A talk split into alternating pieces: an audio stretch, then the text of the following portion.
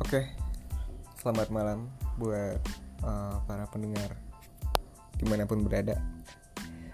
Kali ini kenalin gue Diko ya. Ya panggilan podcast gue Diko ya. Jadi udah lo yang kenal sama gue ya panggilan nama gue sehari-hari ya panggil itu aja. Kalau di podcast ya nama gue Diko. Oke, jadi uh, untuk podcast pertama mungkin gue bakal bahas yang paling istilahnya paling intinya dulu deh pokoknya. Tentang diri sendiri deh. Sejauh apa lo mengenal diri lo gitu. Karena rencananya sih mau bikin series gitu podcast tentang self development gue sih basicnya juga bukan anak psikologi ya. Juga bukan juga nggak punya pengalaman soal bagaimana memahami karakter seseorang. But trust me I'm more than good listener you know. Ya ketika gue mendengarkan orang bercerita tentang dirinya gue lebih memilih untuk memahaminya. Gue nggak mau misalnya kalau lu ngobrol sama orang ya kadang ya kalau mau cerita pengalaman eh orangnya nimpalin dengan pengalamannya yang lebih seru lagi atau lebih lebih parah lagi kan gak enak gitu ya. Kalau gue mah kalau ada yang cerita ya udah gue dengerin. Ya sampai nyamannya aja. Kalau misalnya mau uh, nanya solusi ya udah gue kasih solusi gitu. Kalau yang nggak mau nanya ya udah. Nah itu penting banget ya. Kalau misalnya uh, lo punya teman gitu ya ada yang ada yang mau cerita gitu lu jangan bales uh, dengan cerita lu yang lebih menarik lagi gitu atau lebih parah lagi. Karena itu sama aja bohong lu cuma menambah beban dan teman lu itu bakal nggak mm, nggak bakalan cerita lagi sama lo gitu ya. Ya intinya sih begitu ya kalau masalah uh, sharing dan segala macam kita kan ya sama-sama punya masalah kita punya eh, kita handle masalah kita sendiri kita nggak nggak ada yang lebih berat dari yang lain kita punya ya istilahnya kita punya kota masing-masing lah kalau soal masalah gitu. Nah uh, untuk teman-teman yang mungkin sekarang lagi uh, proses dalam pencarian jati diri asik udah umur berapa sih? Masih masih cari jati diri gitu ya. Tapi emang kenyataannya begitu ya. Kalau jati diri mah sebenarnya ketika lo udah mengenal diri lo sendiri lo pasti tentu akan mengetahui apa tujuan-tujuan lo dalam hidup lo dan hal yang paling utama ya passion. Siapa sih yang nggak pengen ketemu sama passionnya gitu? Emang ada ya yang maunya hidup kerja kerja menikah punya anak terus mati itu kan ya nggak mau dah pokoknya yang kayak gitu. Setidaknya di umur kita yang singkat di dunia ini ayolah kita uh, kita isi dengan hal-hal yang positif gitu ya. Selain beribadah tentunya ya kita kan juga dikasih takaran sama sama Tuhan juga. Kita ini hidup juga nggak cuma ngejar akhirat doang gitu. Dunia juga harus diseimbangkan nah guna menyimbangkan itu ya istilah dengan hal-hal yang positif seperti ya untuk menemukan passion. Sebelum menemukan passion lo harus mengetahui diri lo sendiri. Nah bagaimana cara mengetahui diri sendiri? Nah makanya sini gue mau cerita. Pada dasarnya setiap orang itu ada yang udah menemukan passionnya lebih cepat daripada yang lain. Dan mereka udah nyaman dengan hidup mereka. Tapi satu hal yang pasti menemukan passion bukan tidak semudah membalikan telapak tangan. Kalau menurut gue ya, sepengalaman gue. Karena jujur sampai saat ini juga gue masih bingung ini passion gue sebenarnya apa sih sebenarnya? Gue juga kalau gue pribadi sih gue suka gue suka nulis. Gue juga gue juga mantan wartawan juga ya bentar. Uh, gue juga suka desain. Gue juga pernah bikin musik juga. Gue seneng broadcast. Gue uh, juga suka bikin video dulu zaman zaman di kuliah juga ya. Nah berhubung sekarang kerjanya di dunia desain grafis ya untuk saat ini ya gue bakal memfokuskan passion gue ke desain grafis. Begitu. Nah tapi apakah semudah itu? Kau menemukan hal tersebut jawabannya tentu tidak.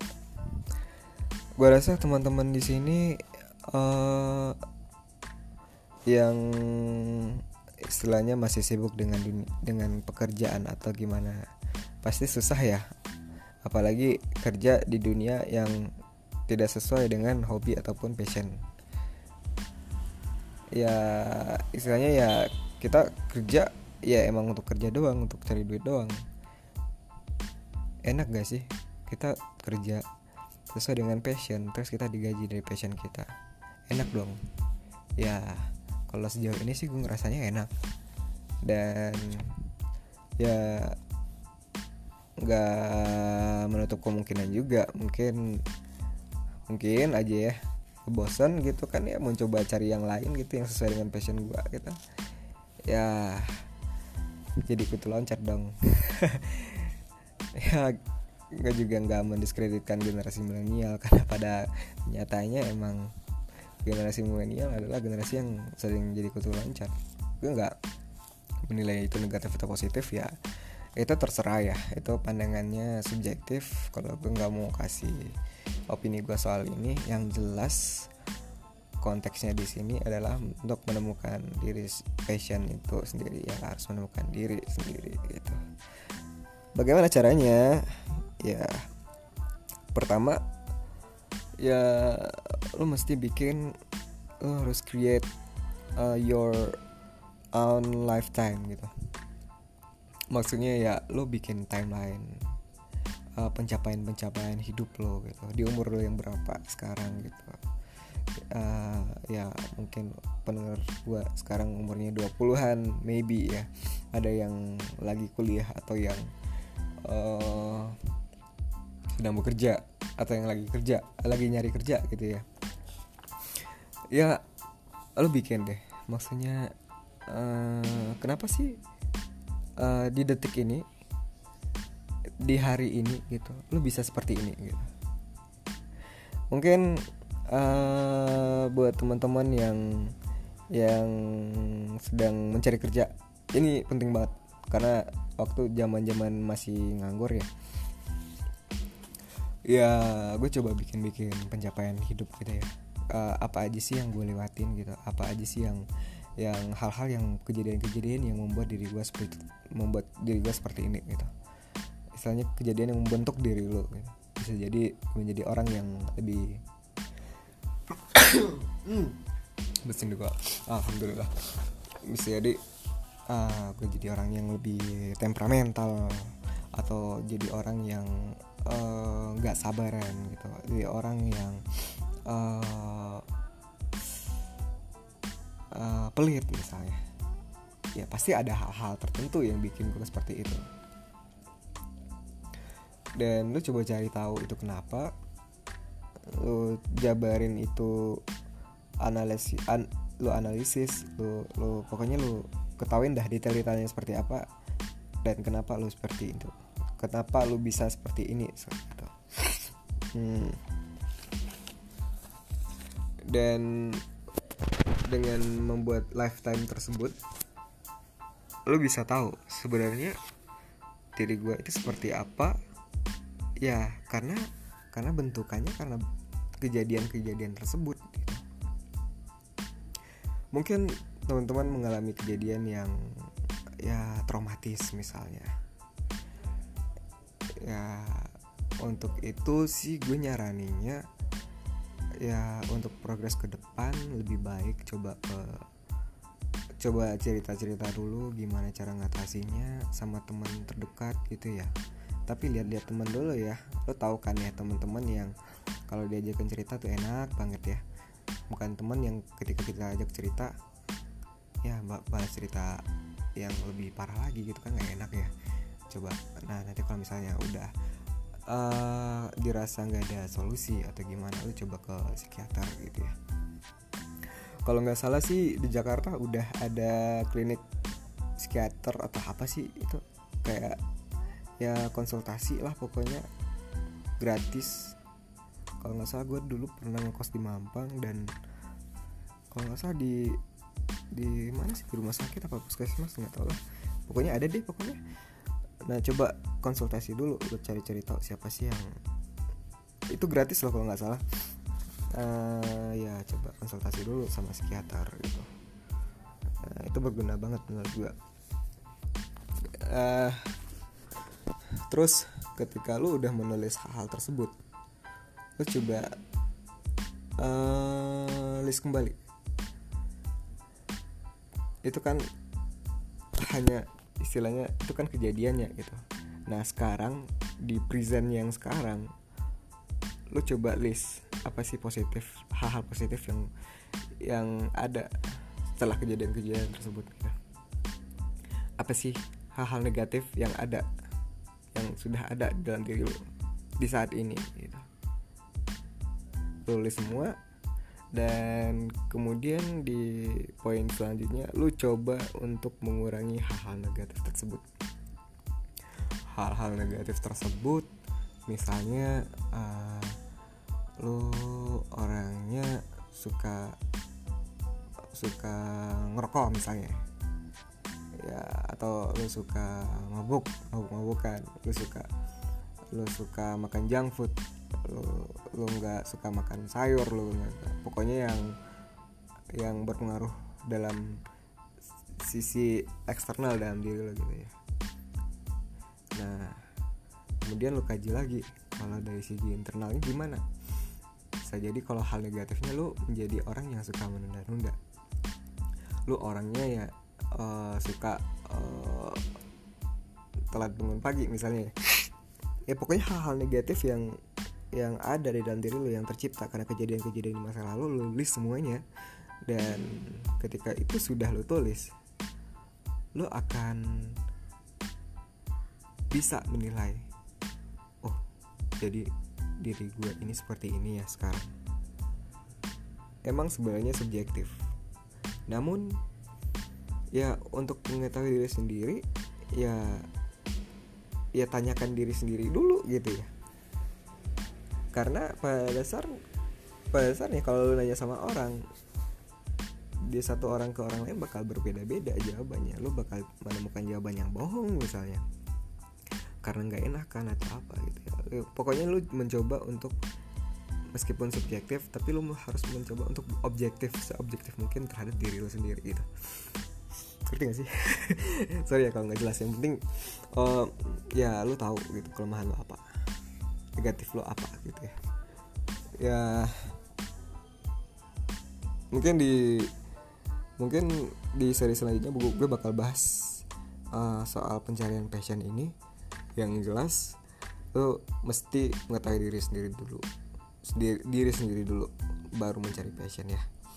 Ya gak ada jalan yang mudah untuk mencari jati jati diri mencari siapa diri lo sebenarnya tapi finding the real you is an enlightened experience gitu.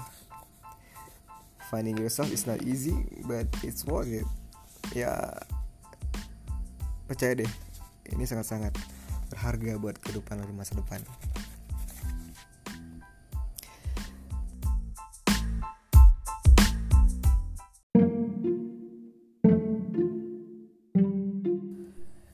Hai, balik lagi bersama gue Diko di podcast Who Am I? Sebuah podcast self development buat kamu yang mungkin masih SMA atau masih kuliah atau sedang cari kerja ya dengan podcast ini gue berharap bisa memberikan sebuah inspirasi ya. Meskipun hidup gue juga nggak terlalu memberikan inspirasi tapi setidaknya gue bisa uh, berkontribusi lah buat eh, orang-orang yang sedang mencari ataupun menginginkan kehidupan yang lebih baik lah. Dan dan gue di sini mencoba untuk uh, membantu kalian oke okay? ya buat podcast kali ini gue bakal bahas soal sosial media dan image. Ya, seperti yang kita ketahui, kalau bicara sosmed pasti orang-orang bakalan menampilkan yang baik-baik di sosial medianya. Uh, bisa jadi sebuah sosial media itu dia ciptakan untuk membentuk sebuah karakter yang uh, terlihat lebih bagus ataupun sebuah karakter yang yang ia inginkan untuk dilihat orang di sosial media. Dan kita juga mungkin sering ya ngelihat orang posting di sosial media kehidupannya jauh lebih baik ketimbang kehidupan kita. Hmm, atau juga postingan sosial media mengenai kehidupannya yang begitu susah, begitu menyedihkan, uh, mungkin udah mencapai tahap stres dan mereka bisa mengungkapkannya dengan sebuah postingan foto maupun tulisan maupun audio dan segala macam gitu. Jadi setiap orang itu menampilkan hal-hal yang sebenarnya bukan uh, bukan yang dia sukai gitu, tapi dia pikir orang juga suka gitu ya. Jadi beda ya konteksnya.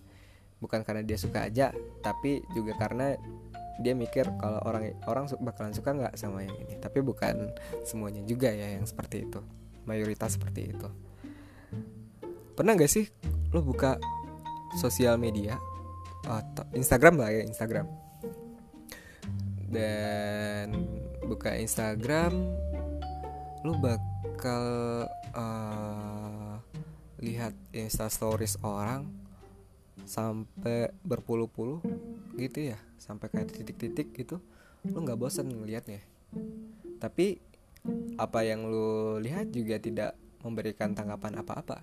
Lu cuma sekedar ya ya swipe swipe swipe swipe gitu. Dan lu ngelihat uh, istilah story yang selanjutnya gitu.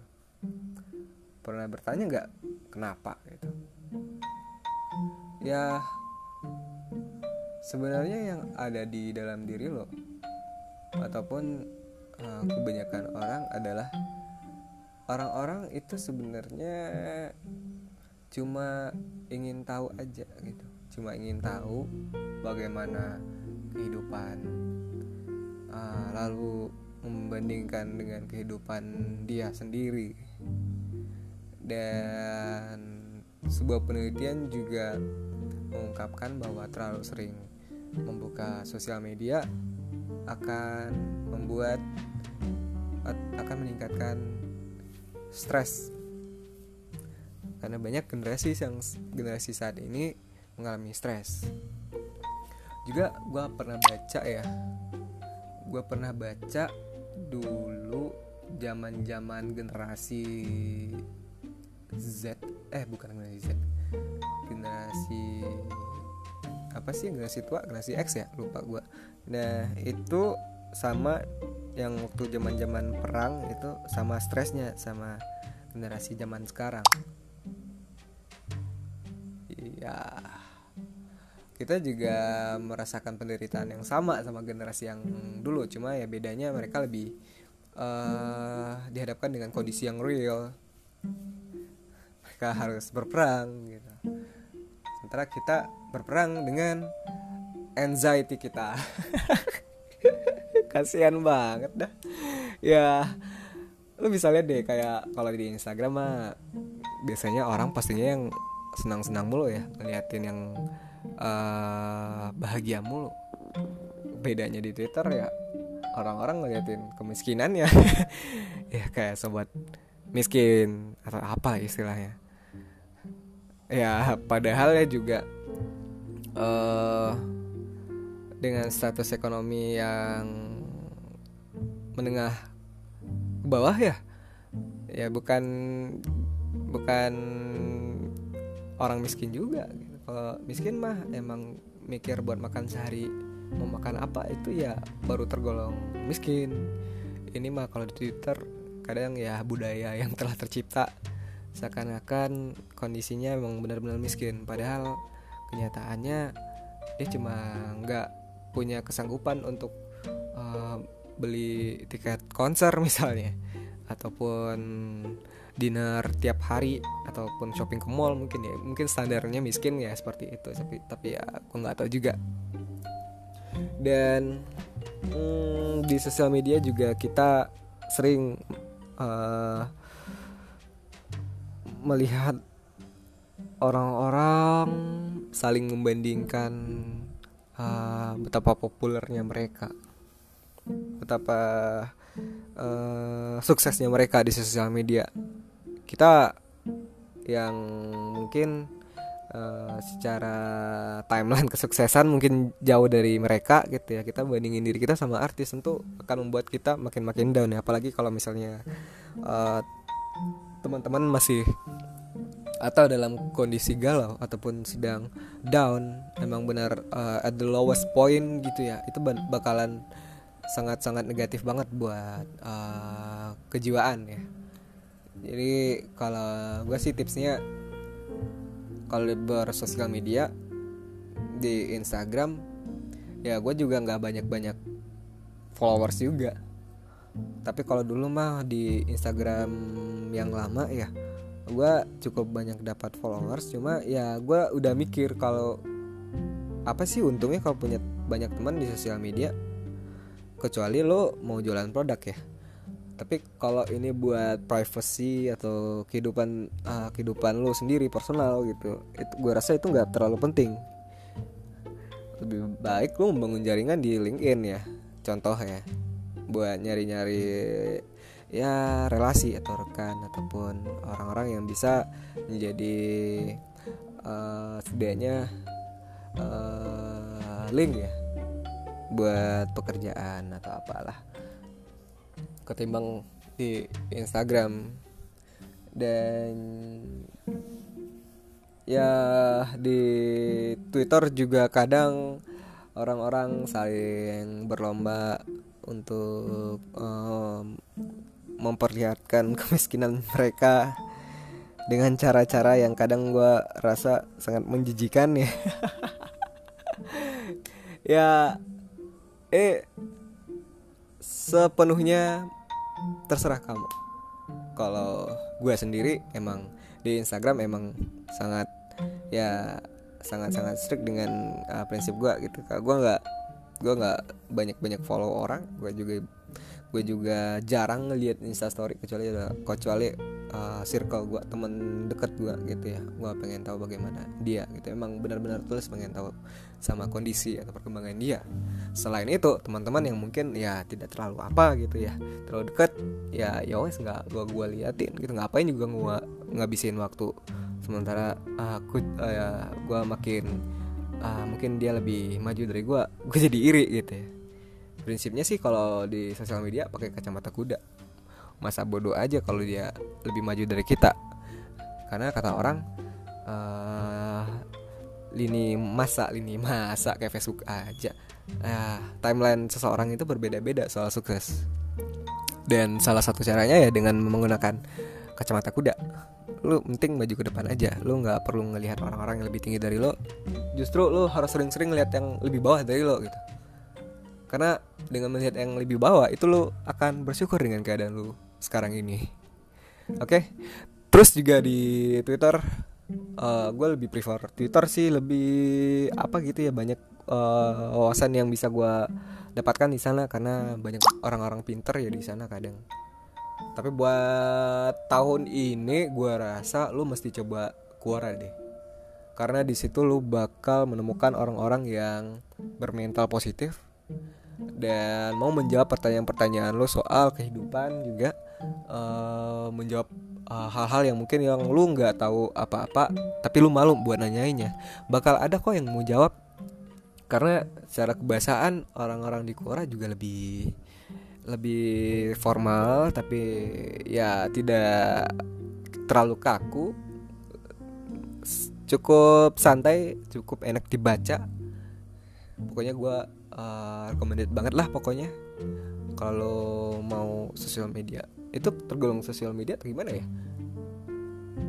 Masuk sih karena ada juga ada foto ada ada tulisan posting ya itu sosial media juga ya. Bukan kita juga disuruh bikin akun.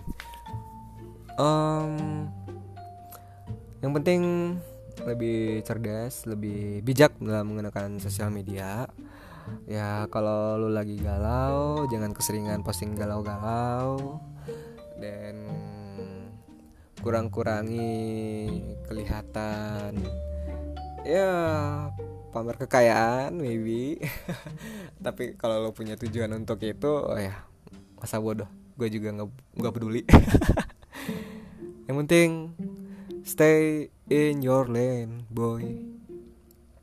Jangan jangan melewati batas-batas lah di sosial media. Taulah etiketnya.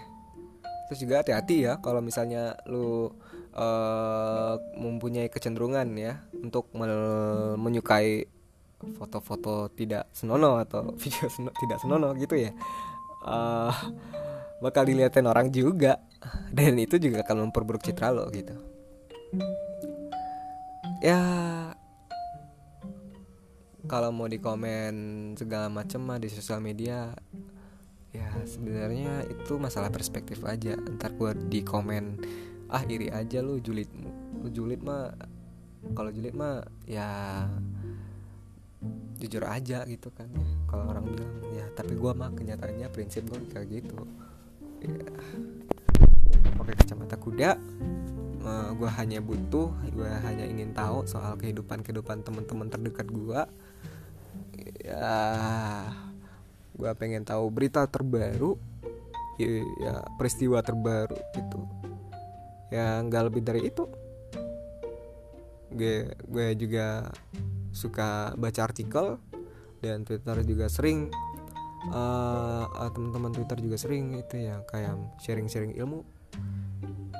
Ini mungkin gue nggak bisa baca di bukunya bisa jadi mereka meringkasnya dengan bentuk trip so Instagram bisa menjadi tempat yang sangat berbahaya buat kamu yang sedang dalam kondisi down. Tapi juga bisa bukan Instagram ya sosial media tapi juga bisa menjadi sebuah uh, platform yang membuat diri lu lebih baik lagi gitu. Mungkin itu aja sih kalau buat sekarang ya bahas sosial media. Sebenarnya banyak banget ya kalau kita mau bicara sosial media. Tapi buat sekarang gue konteksnya itu dulu deh. Brand image ya sama efek dari penggunaan sosial media oke okay. See you in the next podcast. Uh, stay tune terus di Who Am I, sebuah self development yang memberikan inspirasi bagi teman-teman yang mendengarkannya.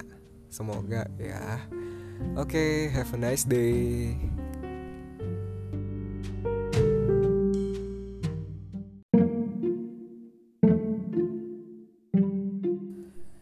Hai. Baik lagi bersama gue Diko di podcast Who Am I? Sebuah podcast self development Buat kamu yang mungkin masih SMA Atau masih kuliah Atau sedang cari kerja ya dengan podcast ini gue berharap bisa memberikan sebuah inspirasi ya. Meskipun hidup gue juga nggak terlalu memberikan inspirasi tapi setidaknya gue bisa uh, berkontribusi lah buat eh, orang-orang uh, yang sedang mencari ataupun menginginkan kehidupan yang lebih baik lah. Dan dan gue di sini mencoba untuk uh, membantu kalian oke okay? ya buat podcast kali ini gue bakal bahas soal sosial media dan image. Ya, seperti yang kita ketahui, kalau bicara sosmed pasti orang-orang bakalan menampilkan yang baik-baik di sosial medianya. Ya, uh, bisa jadi sebuah sosial media itu dia ciptakan untuk membentuk sebuah karakter yang uh, terlihat lebih bagus ataupun sebuah karakter yang yang ia inginkan untuk dilihat orang di sosial media. Dan kita juga mungkin sering ya ngelihat orang posting di sosial media kehidupannya jauh lebih baik ketimbang kehidupan kita.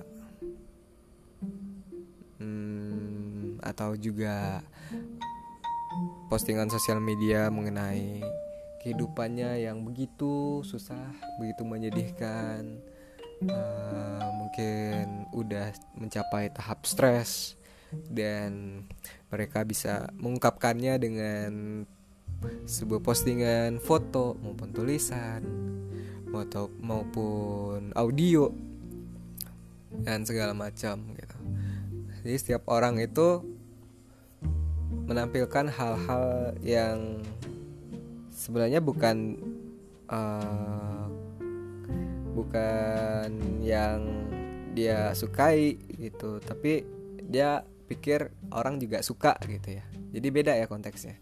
Bukan karena dia suka aja, tapi juga karena dia mikir kalau orang orang bakalan suka nggak sama yang ini tapi bukan semuanya juga ya yang seperti itu mayoritas seperti itu pernah nggak sih lo buka sosial media Instagram lah ya Instagram dan buka Instagram lo bakal uh, lihat Insta Stories orang sampai berpuluh-puluh gitu ya sampai kayak titik-titik gitu lu nggak bosan ngelihatnya tapi apa yang lu lihat juga tidak memberikan tanggapan apa-apa.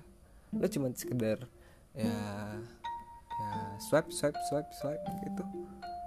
Dan lu ngelihat uh, istilah story yang selanjutnya gitu.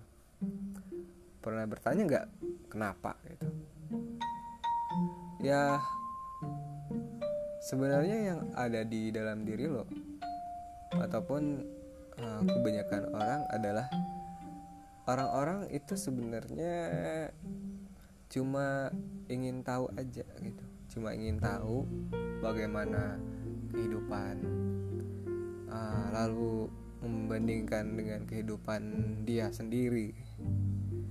Dan sebuah penelitian juga mengungkapkan bahwa terlalu sering membuka sosial media akan membuat akan meningkatkan stres.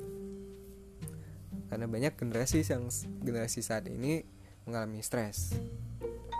Juga gue pernah baca ya gue pernah baca dulu zaman zaman generasi Z eh bukan generasi Z generasi apa sih generasi tua? Generasi X ya? Lupa gue nah itu sama yang waktu zaman zaman perang itu sama stresnya sama generasi zaman sekarang. Iya. Kita juga merasakan penderitaan yang sama sama generasi yang dulu. Cuma ya bedanya mereka lebih uh, dihadapkan dengan kondisi yang real. Mereka harus berperang gitu sementara kita berperang dengan anxiety kita. Kasihan banget dah. Ya lu bisa lihat deh kayak kalau di Instagram mah biasanya orang pastinya yang senang-senang mulu ya ngeliatin yang uh, bahagia mulu. Bedanya di Twitter ya orang-orang ngeliatin kemiskinan ya ya kayak sobat miskin atau apa istilahnya ya padahal ya juga uh, dengan status ekonomi yang menengah ke bawah ya ya bukan bukan orang miskin juga gitu. kalau miskin mah emang mikir buat makan sehari mau makan apa itu ya baru tergolong miskin ini mah kalau di Twitter kadang ya budaya yang telah tercipta seakan-akan kondisinya emang benar-benar miskin. Padahal kenyataannya dia cuma nggak punya kesanggupan untuk uh, beli tiket konser misalnya. Ataupun dinner tiap hari ataupun shopping ke mall mungkin ya. Mungkin standarnya miskin ya seperti itu. Tapi tapi ya aku nggak tahu juga.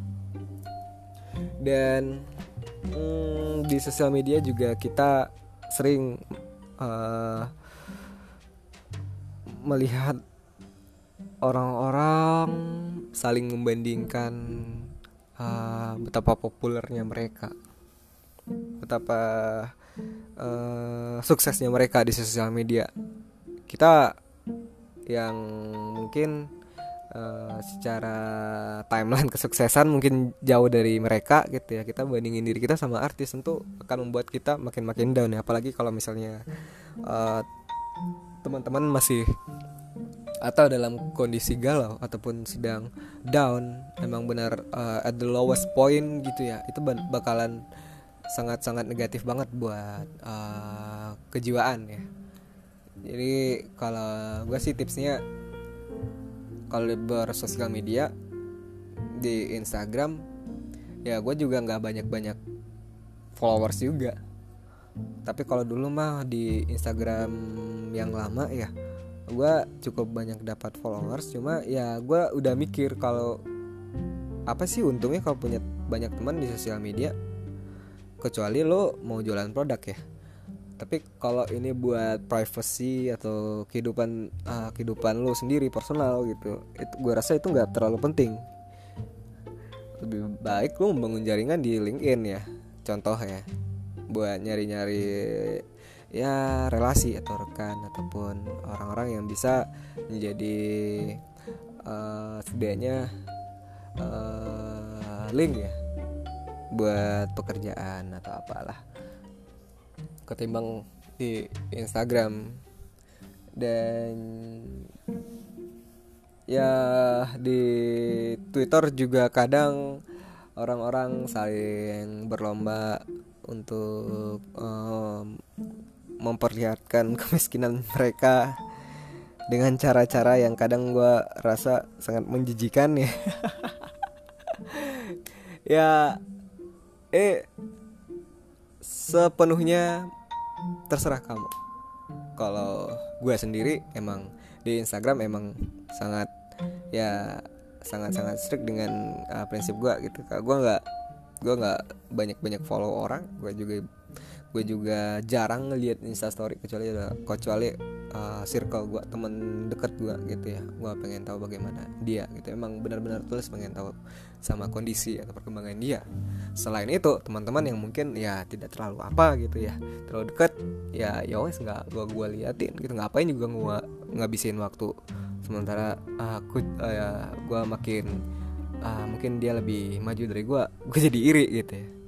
Prinsipnya sih kalau di sosial media pakai kacamata kuda. Masa bodoh aja kalau dia lebih maju dari kita. Karena kata orang uh, lini masa lini masa kayak Facebook aja. Uh, timeline seseorang itu berbeda-beda soal sukses. Dan salah satu caranya ya dengan menggunakan kacamata kuda lu penting maju ke depan aja. Lu nggak perlu ngelihat orang-orang yang lebih tinggi dari lo. Justru lu harus sering-sering ngelihat yang lebih bawah dari lo gitu. Karena dengan melihat yang lebih bawah itu lo akan bersyukur dengan keadaan lo sekarang ini. Oke? Okay? terus juga di Twitter uh, gue lebih prefer Twitter sih lebih apa gitu ya banyak uh, wawasan yang bisa gue dapatkan di sana. Karena banyak orang-orang pinter ya di sana kadang tapi buat tahun ini gue rasa lu mesti coba Quora deh. Karena di situ lu bakal menemukan orang-orang yang bermental positif dan mau menjawab pertanyaan-pertanyaan lo soal kehidupan juga uh, menjawab uh, hal-hal yang mungkin yang lu nggak tahu apa-apa tapi lu malu buat nanyainnya. Bakal ada kok yang mau jawab. Karena secara kebahasaan orang-orang di Quora juga lebih lebih formal tapi ya tidak terlalu kaku. Cukup santai cukup enak dibaca. Pokoknya gue uh, recommended banget lah pokoknya. Kalau mau sosial media. Itu tergolong sosial media atau gimana ya? Masuk sih karena ada juga ada foto ada ada tulisan posting ya itu sosial media juga ya. Bukan kita juga disuruh bikin akun.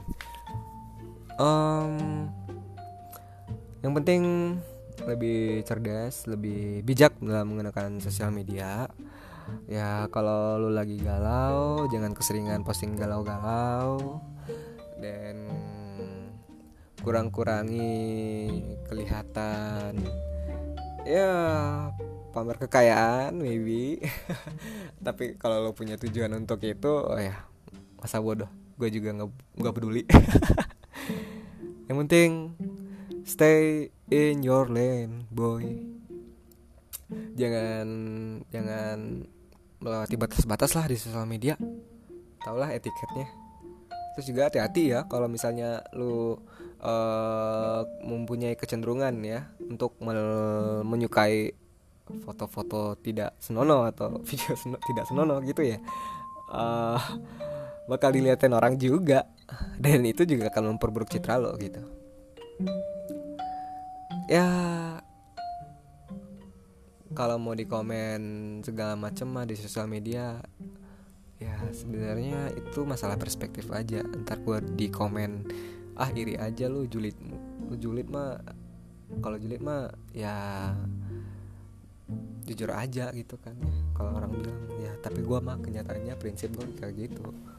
Ya pakai kacamata kuda uh, gue hanya butuh gue hanya ingin tahu soal kehidupan kehidupan teman-teman terdekat gue ya gue pengen tahu berita terbaru ya, ya peristiwa terbaru gitu. Ya nggak lebih dari itu. Gue gue juga suka baca artikel dan Twitter juga sering uh, teman-teman Twitter juga sering itu ya kayak sharing-sharing ilmu ini mungkin gue nggak bisa baca di bukunya bisa jadi mereka meringkasnya dengan bentuk tweet So, Instagram bisa menjadi tempat yang sangat berbahaya buat kamu yang sedang dalam kondisi down. Tapi juga bisa bukan Instagram ya sosial media, tapi juga bisa menjadi sebuah uh, platform yang membuat diri lu lebih baik lagi gitu. Mungkin itu aja sih kalau buat sekarang ya bahas sosial media. Sebenarnya banyak banget ya kalau kita mau bicara sosial media. Tapi buat sekarang gue konteksnya itu dulu deh. Brand image ya sama efek dari penggunaan sosial media oke okay. See you in the next podcast. Uh, stay tune terus di Who Am I, sebuah self development yang memberikan inspirasi ya, bagi teman-teman yang mendengarkannya. Semoga ya. Oke, okay, have a nice day.